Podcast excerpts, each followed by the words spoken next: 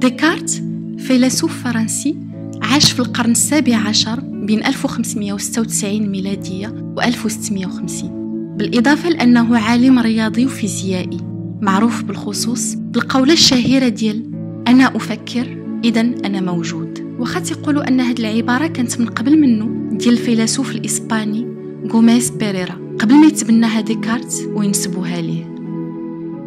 ديكارت هو فيلسوف اللي تستحق الاهتمام لأسباب كثر من هذه القولة. اللي تيميزه هو أنه كان عقلاني بواحد الطريقة رهيبة. كان ما تيتيق حتى شي حاجة أكثر من القوة ديال المنطق البشري. كما قال في الكتاب ديالو ديال قواعد توجيه الفكر غادي نخرج للأضواء كل الثروات الحقيقية ديال الأرواح ديالنا.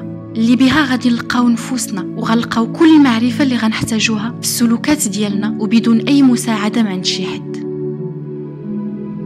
ديكارت كانت عنده ثقة كبيرة في أي حاجة جاية من خلال تعمق ذاتي أو تعمق نفسي وبواسطة الحجة السليمة والوضوح في الفكر. كانت يعتقد أن الكثير ديال الأخطاء اللي وقعت في العالم كانت بسبب الطريقة الغلطة ديال استخدام العقول ديالنا بحيث ما تنكونوش واعيين ومنطقيين في السلوكات ديالنا ردود الفعل والقرارات اللي تنتخذوها تنكونوا في حالات ديال ارتباك surtout وفاهمين الأمور غلط.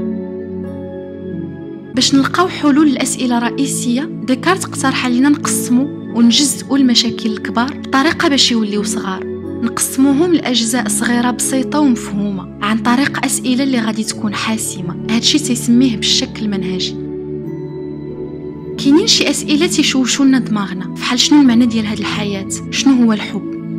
وبالرغم من هاد التشويش اللي تيوقع ما تنتسوقوش بزاف للطريقة باش تنحلو هاد التساؤلات وباش تنفسروهم. ديكارت توصف الطريقة ديال الشكل المنهجي برميل كبير ديال التفاح اللي فيه تفاحات زوينين مخلطين مع تفاحات خايبين. تيقول أنك باش تكون فيلسوف تعني تلتزم بأنك تفرز وتعزل كاع التفاح اللي في البرميل وحدة بوحدة وتلوح كاع ديك التفاحات الخايبين باش تكون sûr ومتاكد أنك خليتي غير ال qualité المزيانة. كان تيقول أن خاصنا ناسسوا كاع الأفكار ديالنا على التجارب الفردية اللي مرينا بها والمنطق اللي في الداخل ديالنا. في عوض ما ناخذوا الأفكار الواجدة اللي تتعطينا السلطة والقانون والعادات والتقاليد اللي كبرنا فيها وتطبعنا بها في الكتاب ديالو ديال مقال عن المنهج اللي تنشر في 1637 تهضر على كيفاش تأنسبيغا باش يكتبو تيقول شحال هادي تخليت تماما على الدراسة ديال الأداب مع القرار ديال أنني ما نبقى نقلب حتى على شي معرفة من غير هاديك اللي غنقدر نلقى لداخل ديالي بالإضافة لهاديك اللي غنقدر نلقى في الكتاب الحياة. دوزت الشباب ديالي تنتنقل بين الجيوش والمحاكم تنتخلط مع الناس بأطباع متنوعة ومختلفة. دوزت أشكال وأنواع ديال التجارب تنتستي وتنجرب راسي في مواقف اللي تحطيت فيها. في كاع الأوقات كنت تنتأمل شخصيا أي حاجة عندي قدامي طريقي باش نشوف كيفاش نخرج منها الفائدة.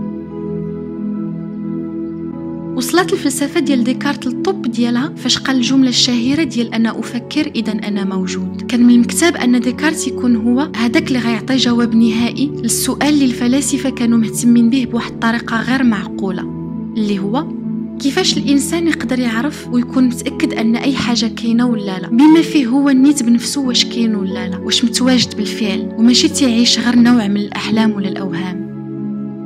البحث ديالو كان مركز على هذا السؤال كان باغي يعرف واش هو متواجد حقيقيا ولا غير تيحلم في البداية ديكارت بدا تيلاحظ أن الحواس البشرية ماشي fiables 100% ما فيهاش ثقة. ما كانش قادر مثلا كما قال هو النيت يكون على ثقة تامة أنه جالس بال peignoir اللي لابس قدام ال cheminée في دارو ولا غير تيحلم بهاد اللقطة بهاد القضية. ولكن القضية الوحيدة اللي كان متأكد منها هي أنه كان تيفكر.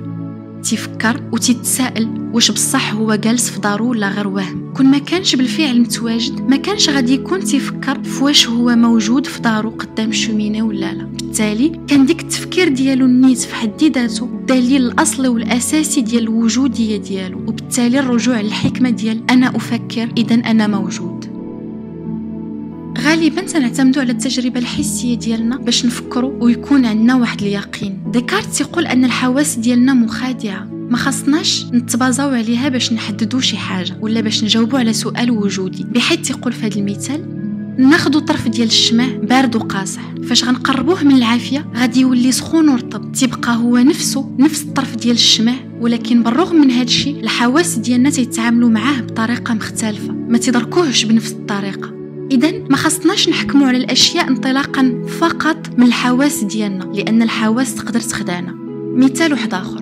تيقول أن فاش تنحطوا مثلا شي قلم في كاس ديال الماء ديال الدجاج العينين ديالنا تيشوفوه مهرس ولكن في الحقيقة تيكون غير وهم بصري خدعة بصرية.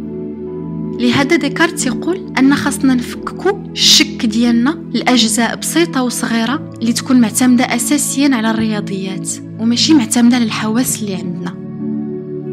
ديكارت غادي يتخيل واحد الكائن اللي غيسميه العبقري الشرير اللي هو واحد القوة عليا متواجدة غير باش تقوم بالخداع ديالو. بما أنه ما يقدرش يثبت أن هذا العبقري الشرير ما عندوش وجودية غيدير وكأنه متواجد بالفعل. غينطلق من القضية ديال أنه موجود بالفعل وأنه تتخدع من طرفه باستمرار. هنايا ديكارت غادي يدخل في الشك المنهجي وغادي يشك في كل شيء وأي حاجة متواجدة. هذا الشك المنهجي من خلاله غادي يبني المعرفة اعتمادا على القواعد اللي هو متأكد منهم باش يضمن الوصول لليقين. لأنه كان كما قلنا مولوع بالمنطق اللي متواجد في الرياضيات. واحد زائد واحد تتساوي جوج ما فيهاش شك.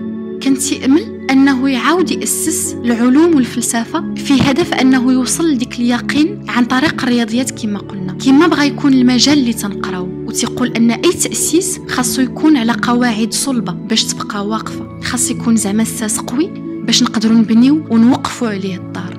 غادي يقلب على حقيقة أولية اللي حتى واحد ما شك فيها اللي انطلاقا منها غادي يقدر يعاود التأسيس ديال الفلسفة ويوصل لاستنتاجات مؤكدة.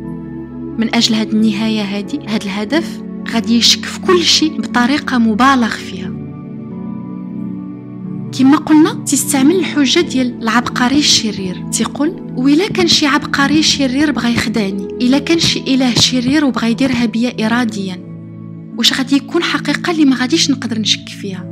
باش يلقى هاد الحقيقة الأولية اللي ما غاديش يقدر يشك فيها. ديكارت غادي يعتمد على الحجة ديال واحد الفيلسوف كان في العصور الوسطى سميتو سان أوغوستان هاد الأخير كان عبر بهاد الجملة إلا كنت غلط إذا أنا موجود. تعني أن واخا يكون داكشي اللي تنفكر فيه غلط تتبقى حقيقة قطعية ديال أنني موجود وما نقدرش نشك في هادشي. هاد القضية تتقاوم كل الشكوك. ديكارت تعجب باليقين ديال هاد الاستنتاج. غادي يتبنى نفس النهج ويقول أنا أفكر إذا أنا موجود.